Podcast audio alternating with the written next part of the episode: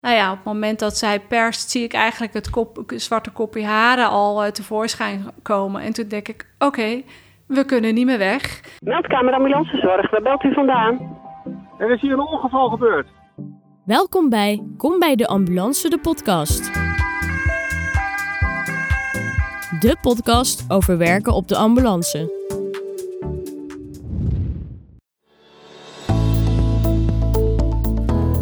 Welkom bij Kom bij de Ambulance, de podcast. Onze podcastserie over het werken op de ambulance. Ik ben Peter van Wittekruis en vandaag spreek ik met ambulancecollega Annemarie. Zij is ambulanceverpleegkundige en medewerker inzetbaarheid en arbo bij Witte Kruis. Annemarie heeft heel veel ervaring in het vak, zowel op de auto als op de ambulancemotor. Annemarie, van harte welkom. Dankjewel. Annemarie, de opzet van deze podcast is als volgt. Hè. De ambulance tijd is natuurlijk hele kostbare tijd. Jazeker. En vandaar dat wij hebben bedacht om een vragenchallenge op te richten. En de vragenchallenge eh, die duurt precies 30 minuten. Over 30 minuten gaat er hier in deze thuisstudio een ambulance sirene af. En dan ronden we deze podcast ook weer af. We proberen in 30 minuten zoveel mogelijk vragen te beantwoorden. Deze vragen zijn ingediend door studenten van de opleiding HBO Verpleegkunde. Maar ook ingediend door onze volgers op social media. En natuurlijk hebben we zelf ook wat vragen toegevoegd voor jou. Voor ons op tafel, voor de luisteraars even goed om te melden, liggen meer dan 50 vragen verspreid. En aan jou de eer, Annemarie, om een vraag te pakken zodra je er klaar voor bent. Ben je er klaar voor? Want dan start ik de klok. Ja hoor, ik ben er klaar voor. Nou, hartstikke goed, Annemarie. Ik start ondertussen de klok. En ik zou zeggen, uh, pak de eerste vragen maar bij. Ja, nou, er liggen echt heel veel vragen. Ik ben, niet, ben bang dat we dat niet allemaal gaan uh, beantwoorden, maar uh, ik heb er één gepakt. Wat is het grootste verschil tussen werken in het ziekenhuis en het werk op de ambulance? Nou, die is eigenlijk wel heel makkelijk. Uh, op de ambulance werk je met z'n tweeën, een chauffeur en een, en een verpleegkundige of een ambulancemedewerker. En in het ziekenhuis heb je veel meer mensen om je heen. Uh, en werk je eigenlijk veel meer in een team. Uh, ziekenhuis is natuurlijk licht. Je hebt alles, kan je op hoogte zetten. Uh, meestal ben je van tevoren al, weet je waar je, wat, wat er gaat komen en wat je kan doen. Uh, en het werk op de ambulance helemaal niet. Hè. Je kan uh, ineens uh, onder een auto liggen klussen of op hoogpolig tapijt in een luxe villa. Dus dat is wel een groot verschil en wel heel uitdagend. Oké, okay, nou dat vind ik een heel helder antwoord, Annemarie. ik zou zeggen, pak de volgende er maar eens bij. De volgende. Hoe ben je zelf op de ambulance terechtgekomen? Nou ja, gewoon solliciteren. Uh, ik werkte destijds uh, bij de politie en ik kwam dus uh, veel in aanraking met de ambulance. Want ja, daar werk je dan ook wel veel mee samen op, het, op de weg. En ehm, ik was voordat ik bij de politie ging al verpleegkundige. Dus toen dacht ik, nou, als ik op die ambulance wil komen, want dat leek me wel heel erg gaaf, moet ik toch wel nog extra opleiding volgen in het ziekenhuis. Dus ik ben weer teruggegaan naar het ziekenhuis, heb mijn specialisaties gehaald er vervolgens uh, na een aantal jaren later uh, op de ambulance gesolliciteerd en aangenomen. Ja, we hebben natuurlijk veel luisteraars ook die graag misschien zelf later ook op de ambulance willen werken. Uh, kun jij iets zeggen? Wil jij vroeger bijvoorbeeld ook al op de ambulance werken? En hoe is van, van, zeg maar van jongs af aan dat traject geweest om bij de ambulance terecht te komen? En hoe, hoe zou jij het adviseren aan studenten? Ja, ik kan natuurlijk uh, alleen maar vanuit mijn eigen uh, situatie uh, een advies geven, wat ik denk dat het beste is. nee, ik wilde niet al vanaf jongs af aan op de ambulance.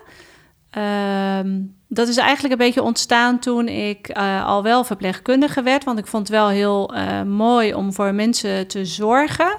En, ik, uh, ja, en daar ook uh, van betekenis kunnen zijn. Dat vond ik heel prettig. Uh, maar ik miste ook wel een beetje de actie in het vak. Toen ben ik dus naar de politie gegaan. ja, waar je dus wel gewoon de actie hebt en ook wel het zorgaspect. Maar toen miste ik eigenlijk wel weer een beetje het, het, het echte verzorgen van mensen. En, ehm, ja, en, en mensen ook weer beter maken. Dat vond ik ook wel eigenlijk wel heel mooi in het vak. Dat mensen weer beter werden uh, als je wat deed. En toen ben ik dus eigenlijk uh, de combinatie gaan zien tussen de politie en de ambulance. En toen dacht ik, ja, maar de ambulance is dus allebei. Zorg voor mensen en daarvan betekenis kunnen zijn. En daarin ook uh, echt handelingen verrichten waardoor je het leven kan redden van een persoon. En de actie van, ja, je weet eigenlijk niet hoe je dag begint. En je gaat de dag uh, starten en je ziet wel wat er gebeurt. En dat uh, geeft mij altijd wel een hoop energie. Ik wil gewoon niet weten wat de dag mij gaat brengen. Nou schitterend om te horen natuurlijk dat je zelf die, tot, die, uh, tot die combinatie bent gekomen en dat ook zelf hebt herkend. Toen jij dus bij de politie vandaan naar de ambulance kwam, hoe is dat toen gegaan? Moest je toen nog veel aan studie doen? ben je omgeschoold? Hoe is dat gegaan voordat je echt geschikt was om op de ambulance te werken? Nou, ik moest natuurlijk eerst wel uh, weer terug naar het ziekenhuis, want ik moest echt wel specialiseren. Want dat werd destijds toen ook van, uh, van je gevraagd, hè, of een intensive care opleiding of een spoedeisende hulpopleiding. Die had ik nog niet. Dus ik ben teruggegaan uh, naar het ziekenhuis, heb daar mijn specialisaties gevolgd.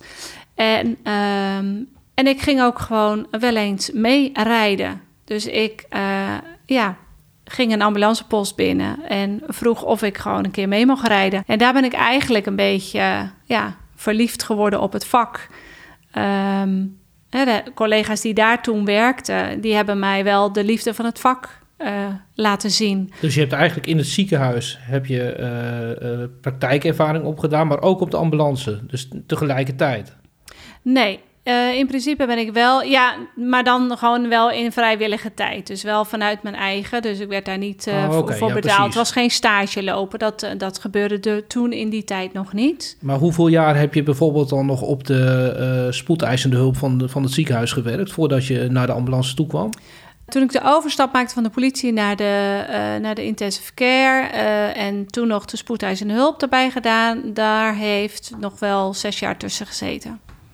Hoeveel jaar is er nou precies nodig aan ervaring in de acute zorg, bijvoorbeeld bij een ziekenhuis, om echt die aansluiting te maken op het ambulancevak? Ja, dat, dat is best wel heel lastig om te zeggen. Uh, ik denk dat het heel belangrijk is dat je, dat je veel klinische ervaring hebt, uh, dat je veel dingen gezien hebt, omdat het ambulancewerk best wel heel complex kan zijn. En uh, je zelf beslissingen moet nemen in een vrij korte tijd. En dan is het wel fijn als je een aardige rugzak mee hebt aan ervaring, dat je ook wel uit je ervaring kan putten. Daarentegen, uh, als je een goede opleiding hebt met veel theoretische kennis, daar kan je ook wel op varen. Maar de combinatie uh, lijkt mij eigenlijk het meest ideale. Oké, okay, want wat, wat is voor jou dan, als, je, als studenten, als jij nou studenten een uh, praktische tip of een gouden tip mag geven? Hoe, zou jij ze dan adviseren om bij de ambulance terecht te komen ooit? Want je hoort wel eens jonge mensen die zeggen: Goh, dat is, gewoon, dat is eigenlijk mijn droombaan, maar hoe kom ik daar nou precies terecht? Wat, wat is jouw advies? Ja, mijn advies zou zijn: uh, als je dit echt heel graag wil, uh, probeer die klinische ervaring toch op te doen in de ziekenhuis, uh, op de acute afdelingen, zodat je veel uh, in de breedte ziektekennis opdoet en ervaring opdoet met mensen uh, werken en, en uh, begeleiden van mensen. Want het gaat niet alleen om de vaardigheden die je moet doen. Een reanimatie is allemaal niet zo moeilijk. Iedereen kan je dat goed leren. Maar hoe ga je daar verder mee om? Hoe ga je met je omstanders om? Hoe ga je met de familie om? Dat is gewoon ook ambulancewerk en dat hoort er ook bij. Oké, nou ja, denk een heel helder advies, Annemarie. Ik zou zeggen, laten we naar de volgende vraag gaan. Uh, welke verschillende voertuigen zijn er en in welke rijd jij? Nou, als ik dan bij mij op de post kijk, en dat is Den Haag, uh, hebben we een aantal verschillende ambulancevoertuigen. Ze zien er bijna allemaal hetzelfde uit. Uh, maar we hebben bijvoorbeeld, dat noemen we dan de ALS-ambulance. Dat is de, de, of de high care. Dat zijn eigenlijk de, de ambulances die, die alle 112-meldingen doen. Dus eigenlijk het acute vervoer. Nou, daarbij hebben we ook nog medium care ambulances. Daar zitten uh, collega's op die uh, anders opgeleid zijn dan de high care ambulance. Die doen uh, bepaalde ritten die, um, die bijvoorbeeld um, door huisarts worden aangevraagd, die niet heel acuut zijn, maar wel nodig zijn dat mensen naar het ziekenhuis moeten. Of zij doen bepaalde overplaatsingen tussen ziekenhuizen. Uh, er zijn een aantal criteria. nodig voor uh, welke patiëntencategorie zij mogen vervoeren. Nee, maar goed, je zegt net, hè, er zijn verschillende voertuigen. Ik heb net in de aankondiging, heb ik jou nog aangekondigd als ook degene die dus ook op de motor rijdt. Ja. Uh, wat is nou precies het verschil uh, en wanneer rij je nou op een motor en wanneer in een ambulance auto? En, en wat is het verschil daartussen en hoe heb jij dat ervaren? Uh, op de ambulance zelf rij je altijd met z'n tweeën. Je hebt een chauffeur en je hebt een ambulance-medewerker. en uh, die, dat is een team. En we hebben dus ook ambulances die bijvoorbeeld op de motor of op een, een solo voertuig, of wat kleiner voertuig, um, waar je dus alleen in rijdt. En dan werk je dus eigenlijk solistisch. En um, daar moet je wel ervaring voor hebben al op de auto. Dus je kan niet uh, solliciteren van ik wil op de motor. Ja. Uh, want je hebt wel eerst uh, ervaring nodig op de ambulance, hoe je het ambulancewerk doet, voordat je op de motor mag of solistisch op de auto mag rijden. Nou, wat is daar het verschil nu tussen? Hè? Op een motor en op een solo-auto kan je natuurlijk geen mensen vervoeren. Dus wij doen dan voornamelijk ritten waar we bijvoorbeeld als motor heel snel bij kunnen zijn. Dus als echt elke seconde telt en ik zit dichtbij een uh, acuut probleem, dan kan ik daar naartoe worden gestuurd. Kun jij zo'n voorbeeld geven van wat je met de motor hebt meegemaakt of waar, waar het heel erg goed van pas kwam? Uh, bijvoorbeeld in het duingebied. Hè, als je dan over een fietspad moet rijden uh, in het duingebied en het is heel mooi weer en dan is het heel druk op het strand en druk in het duingebied ja, als daar dan bijvoorbeeld een mountainbiker een, een klapper maakt en dus moeilijk bereid, uh, bereikbaar is, dan kan je met die, met die ambulancemotor vrij dichtbij komen. Uh, maar bijvoorbeeld ook op, het, uh, op, op een NS-station. Ik kan soms door bepaalde hokjes heen, of de. Hoe heet die dingen? Ja, de poortjes. Ja, ook de poortjes, ja, ja. ja, de poortjes. Ik kan door bepaalde poortjes heen en een ambulance natuurlijk niet. Die moet dan voor het eh, gebouw blijven staan en met de brancard bijvoorbeeld helemaal naar het achterste perron. Maar ik kan met mijn motor helemaal tot aan de trein komen. Ja, schitterend natuurlijk. Dus dat is wel handig. Hey Annemarie, eh, welke inzet op de motor is je nou het meest bijgebleven? Nou, ik weet nog wel dat ik me herinner dat ik bijvoorbeeld uh, een melding kreeg van een reanimatie. Waarbij uh, het echt, nou ja, de flat zag ik eigenlijk voor mijn neus. Het was echt vlakbij. En vervolgens uh, moest de tweede auto, of moest de andere auto, de, de, ambulance, moest best wel van ver komen. De politie was ook aanrijdend. Dus ik heb die reanimatie opgestart samen met de politie. En voordat überhaupt een ambulancevoertuig voor het vervoer ook aanwezig was, had ik die meneer eigenlijk al helemaal uh, opgelijnd, geïntubeerd. Had hij weer eigen ritme. En uh, moest ik eigenlijk wachten op de brancard dat hij vervoerd moest worden naar het ziekenhuis. Ja, dat is natuurlijk wel heel bijzonder. Ja, dat is heel bijzonder om te horen. En, en dan zie je ook het, echt wel het nut van de snelheid van, uh, van een ambulancemotor. Ja, zeker. Nou, ik zou zeggen, Annemarie, laten we nog eens een vraag pakken. Nou, hier staat: hoeveel informatie krijg je van de meldkamer door voordat je naar een patiënt toe gaat? Ja, dat is heel verschillend. Uh, de ene keer krijg je heel veel informatie en de andere keer uh, ja, helemaal niets. Waar, ik rij natuurlijk in een regio met heel veel uh, verschillende nationaliteiten. Dus soms is het best heel lastig als er een melding komt ehm, waarbij iemand niet goed Nederlands praat, om dan goed uit te vragen wat er nou precies aan de hand is. Dus soms dan heb ik geen informatie en ga ik er volledig blanco in en uh, weet ik alleen maar dat ze een ambulance nodig hebben. Vind je dat je genoeg informatie krijgt of zou je dat ook anders willen zien? Kan het ook anders? Ja, ja nou, ik, soms, ik denk dat dat best heel lastig soms is. Uh, het is fijn als je informatie hebt, maar het kan ook wel je uh, beïnvloeden. Zodat je eigenlijk al met een soort van aanname, hè, dat doen we gewoon toch wel best snel. Hè, en het wordt je ook echt wel geleerd om dat niet te doen. Uh, hè, zodat je zo blanco mogelijk een casus ingaat. Ja, dus objectief eigenlijk mensen benadert nou ja, objectief de, de situatie gaat beoordelen. hè? Want anders ga je al snel in, je, in bepaalde protocollen denken. En dan ga je op het moment dat je ook binnenstapt, ga je ook dat protocol uh, uitleven. En dan kan het ineens heel anders zijn. Ik heb dat ook wel eens gehad, hè, dat, dat je dan naar een melding wordt gestuurd. Ja, iemand heel erg overstuur en heel erg aan het hyperventileren. Ja, dan gaat bij mij al vaak uh, aan van oké, dat is een hyperventilatie en er is misschien wat gebeurd of er is veel spanning.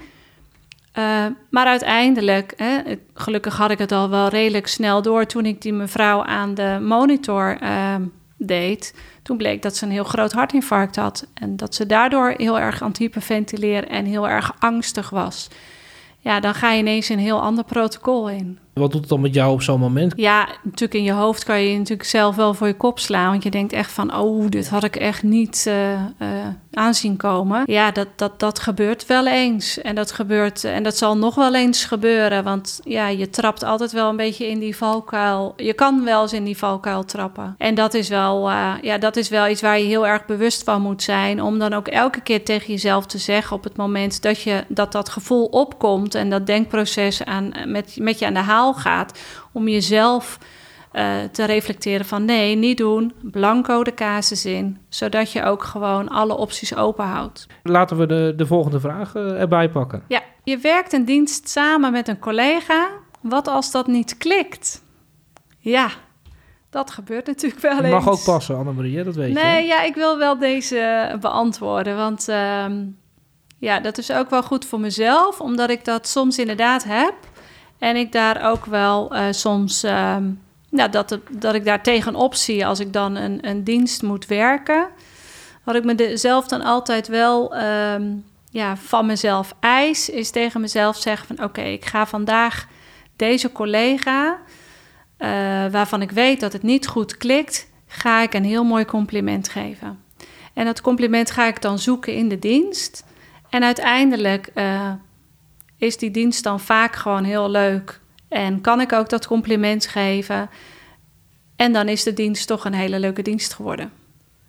Oké, okay, want jullie opereren natuurlijk bijna altijd in de, als, als ambulance-collega's in een team. Ja. Krijg je ook veel uh, training om goed met elkaar samen te werken? Want, want hoe, uh, ja, hoe, hoe, hoe leer je dat? En word je daar goed in begeleid ook? Of leer je dat in de praktijk? Dat leer je in de praktijk. Ja, over het algemeen zou dat echt in de praktijk leren. En uh, wat gewoon heel belangrijk is, uh, denk ik, is dat je gewoon heel erg trots op jezelf mag zijn, wie je bent. En dat dat uh, het allerbelangrijkste is. En het gaat niet om het wat je doet, maar het gaat er echt om wie je bent. En ik ben iemand, mijn collega is iemand. En dat kan inderdaad anders zijn. Maar als je respectvol met elkaar omgaat, dan kan je met iedereen werken. En dat is ook een stukje professionaliteit. Dat, dat wordt natuurlijk ook wel geleerd. Van ja, probeer dan ook vooral professioneel met elkaar te werken. Het hoeven niet je beste vrienden te worden. Het zijn je collega's. Het is leuk als dat klikt. Uh, maar het hoeven niet je beste vrienden te worden. Oké, okay, nou helemaal helder, uh, Annemarie. Volgende vraag? Nou, laten we het doen. Het medische vak is zo breed en er zijn veel innovaties en veranderingen. Waar haal jij je vakkennis uit en wat doe je aan training en bijscholing? Nou, dat is uh, een mooie vraag inderdaad. nou ja, wij worden natuurlijk regelmatig bijgeschoold. Um, wij moeten ook regelmatig uh, laten zien aan uh, de ambulanceacademie door middel van een assessment of je je vak nog verstaat. Uh, hè, daar zal je je vaardigheden en je vakkennis uh, uh, moeten laten zien. En ook een theorietoets. Dat ja, doen we om de, om, om de paar jaar. maar ook in de regio wordt daar veel.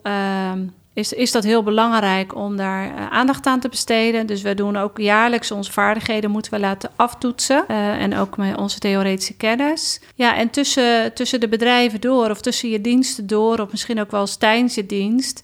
Uh, is het gewoon verstandig om af en toe eens je protocollenboekje erbij te pakken. En zeker protocollen die gewoon niet veel voorkomen, want dat kan. Hè. Er zijn ook echt wel protocollen in mijn protocollenboekje die ik er nog niet heb tegengekomen in de 15 jaar. En dan moet je wel uh, op het moment suprem er wel staan. En gelukkig heb je dan een protocollenboekje, mag je die ook wel pakken.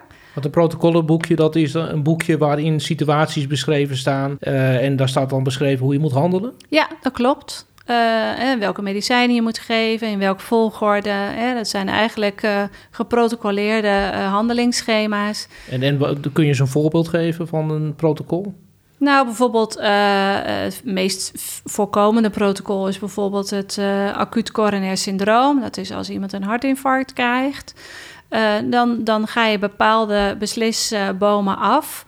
Uh, en behandel je uh, naar wat je tegenkomt. En dat is voorgeschreven. En dat is wordt door cardiologen wordt dat breed uitgedragen. Mm daar, wordt, daar wordt goed naar gekeken van wat is dan de meest geëikte behandeling voor de patiënt die op dat moment een ACS heeft. Nou, Annemarie, er liggen nog heel veel vragen. Dus nou. ik zou zeggen, probeer er nog eens een. Is er veel veranderd in het vak sinds jij begonnen bent? Ja, nou ja, ik denk wel dat er veel veranderd is. Uh, in die zin, uh, en de mens die verandert natuurlijk niet. Um, uh, dus misschien ook een beetje. Ja, misschien ook wel een klein beetje. Nou ja, ja, mensen zijn over het algemeen wel wat zwaarder dan vroeger. Dat merken we ook wel. dat is een detail. Maar wat is er nou veranderd? nou ja, toen ik op de ambulance begon, begon ik eigenlijk met de kennis die ik al had vanuit het ziekenhuis begon ik te werken met een werkbegeleider. En dan werd ik een maand ingewerkt en dan mocht ik los. En uh, nou, doe je best.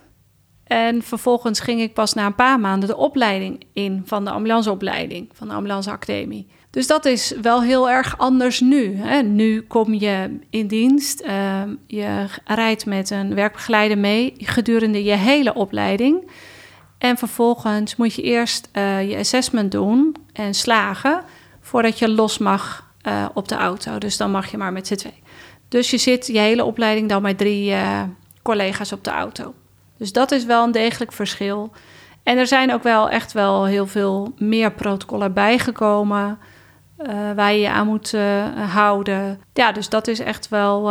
ja, er wordt, wordt, wordt meer van je verwacht dan 15 jaar geleden, is mijn gevoel. En, en kun je nog iets uh, vertellen over vroeger? Uh, iets, iets waarvan je zegt, nou, dat zou in deze tijd eigenlijk nooit meer kunnen. Of dat, dat is iets, ja, dat, dat deden we toen zo, maar ja, dat is eigenlijk nu wel echt achterhaald. Nou ja, vroeger uh, deden we bijvoorbeeld iedereen op de plank. Als die bijvoorbeeld een bepaald ongeval heeft gehad. En op de plank voor de luisteraars? Ja, dat is zo'n wervelplank.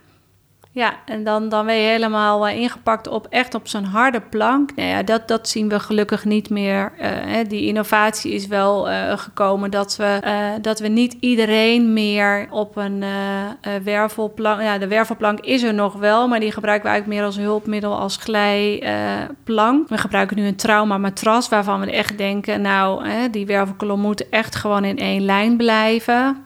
Dan gebruiken we het wervelmatras. Het ligt een stuk comfortabeler. Ook niet heel echt comfortabel, maar het is wel een stuk comfortabeler dan een, een harde plank waar je op ligt. Mhm. Dus dat is denk ik wel veranderd. Ehm, dus, dus dan, dan heb je het natuurlijk ook over materialen en, en innovaties. Materialen zijn natuurlijk heel belangrijk, ook in het ambulancevak. Ja. Wat is voor jou nou de mooiste innovatie die jij, uh, die jij in het ambulancevak bent tegengekomen? Of waar heb je het meeste aan gehad? Uh, nou ja, wat, wat voor ons het werk wel heel uh, makkelijker maakt. Is, we hebben natuurlijk best heel veel spullen nemen mee. Hè? Dus we nemen eigenlijk steeds meer spullen mee uh, van de ambulance naar de patiënt. Uh, en dat werd dan altijd op een brancard soms gelegd, maar ja, soms kon dat ook niet altijd. Dus we hebben wel heel goed gekeken van ja, hoe zwaar zijn al die spullen nu en waar kunnen we uh, gewicht uithalen, zodat we niet altijd met heel veel spullen aan het uh, slepen zijn want dat doet ook wel wat met je lijf. Zo hebben we gelukkig inmiddels uh, elektrische brancards. Nou, en die elektrische brancards die helpen wel heel erg met uh, minder tilmomenten die je hebt... met een zware brancard en een patiënt erbovenop. Ja, nu gaat dat elektrisch, dus dat is echt wel heel erg fijn dat dat veranderd is. Ja, dat kan ik me voorstellen. Dus eigenlijk, innovaties gaan altijd door. Maar de elektrische brancard is dus iets waar je gewoon heel erg blij mee bent... Uh als ambulance medewerker. Ja, en dan hoop je natuurlijk ook gewoon dat de monitor wat minder uh, zwaar wordt. Want dat uh, tegenwoordig denk je met alle technologie en, en, en ja, dat dat ook wel een stukje minder die? zwaar. Hoeveel weegt die denk Nou, die weegt wel rond de 13 kilo. Oké, okay, dus, dus je moet behoorlijk getraind zijn ook wel. Ja, je, om, ja, je, je moet wel fysiek in orde zijn. Ja, ah, je moet wel fysiek... Ja, ja en, en, en ja, niet, niet ieder flatgebouw in Nederland heeft nog steeds een lift. Of niet iedere huis heeft een lift. En ja, soms liggen mensen nou eenmaal op de tweede etage of de derde etage. En dan Ja, moet je wel alle spullen meenemen eh, en de trap oplopen. Oh, dit is wel een leuke. Klopt het dat je als ambulanceteam ook complexe bevallingen kunt begeleiden in noodgevallen? Heb je dit wel eens meegemaakt? Ja, dat heb ik wel eens meegemaakt. Wel meerdere keren al.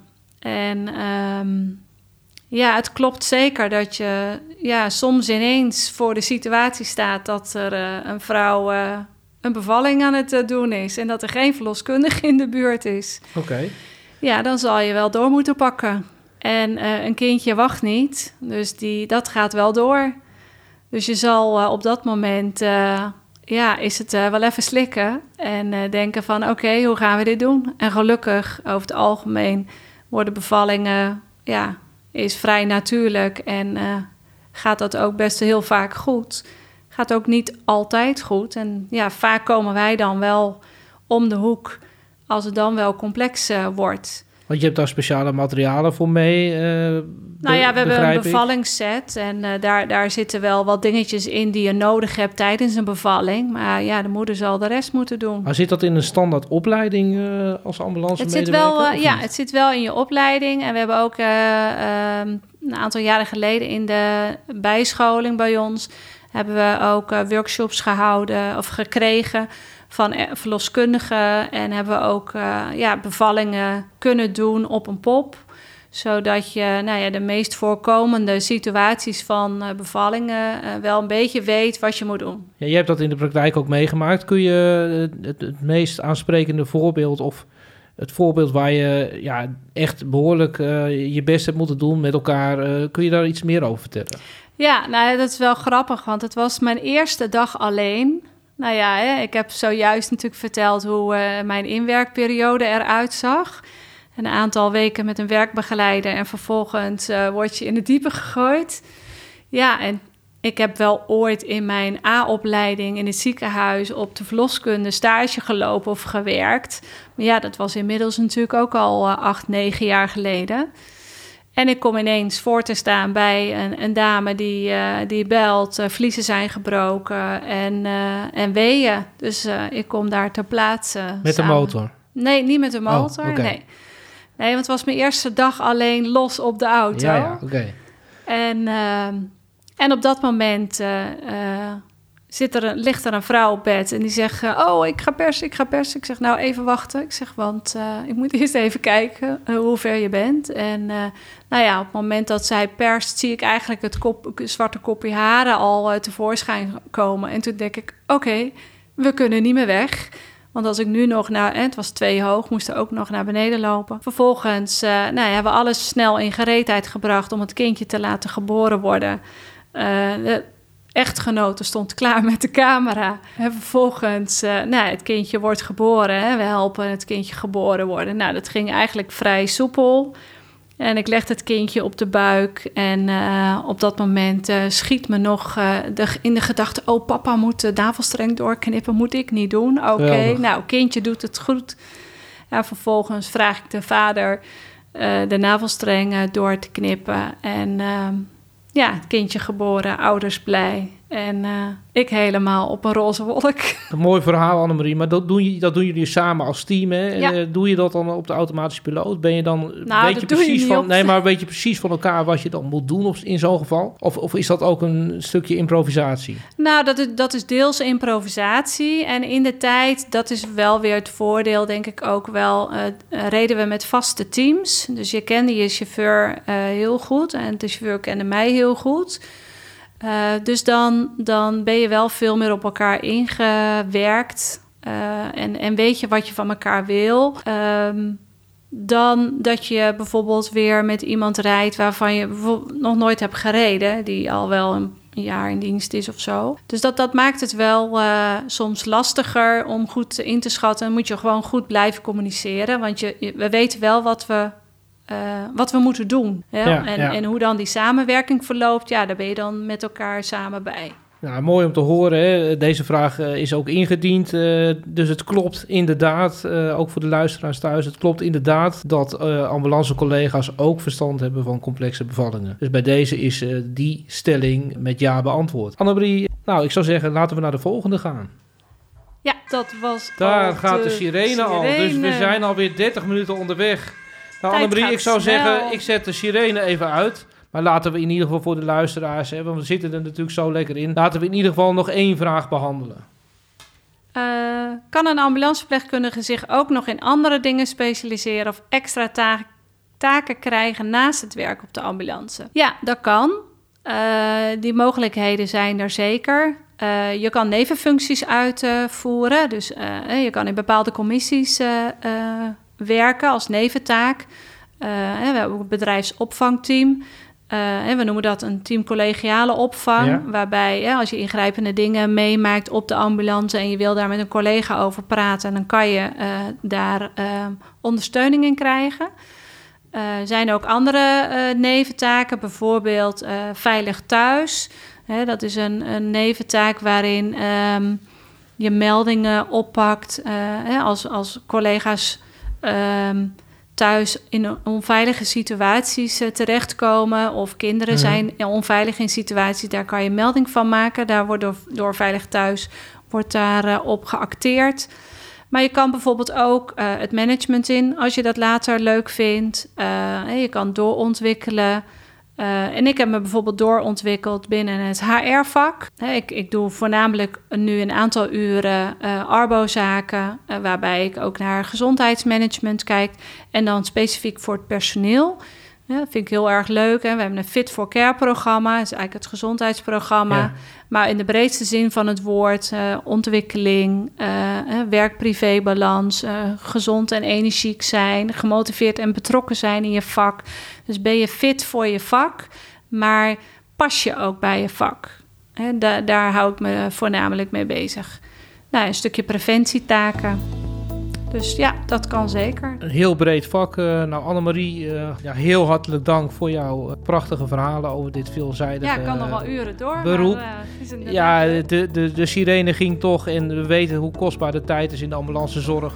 Ja. Dus we gaan ook afronden en ja, de volgende aflevering meer verhalen weer over dit hele mooie, veelzijdige ambulancevak. Annemarie, onwijs bedankt hè, dat jij onze eerste gast wilde zijn in deze podcast. En aan alle luisteraars, bedankt voor het luisteren naar deze eerste aflevering van Kom bij de Ambulance, de podcast. Heb je ook vragen over het werken op de ambulance? Stuur deze dan in via de comments onder deze podcast of via social media. Dan voegen we jouw vragen toe aan onze Vragen Challenge. Wil je meer horen? Abonneer je dan op deze podcast via onder andere Apple Podcast en Spotify. Graag tot de volgende keer.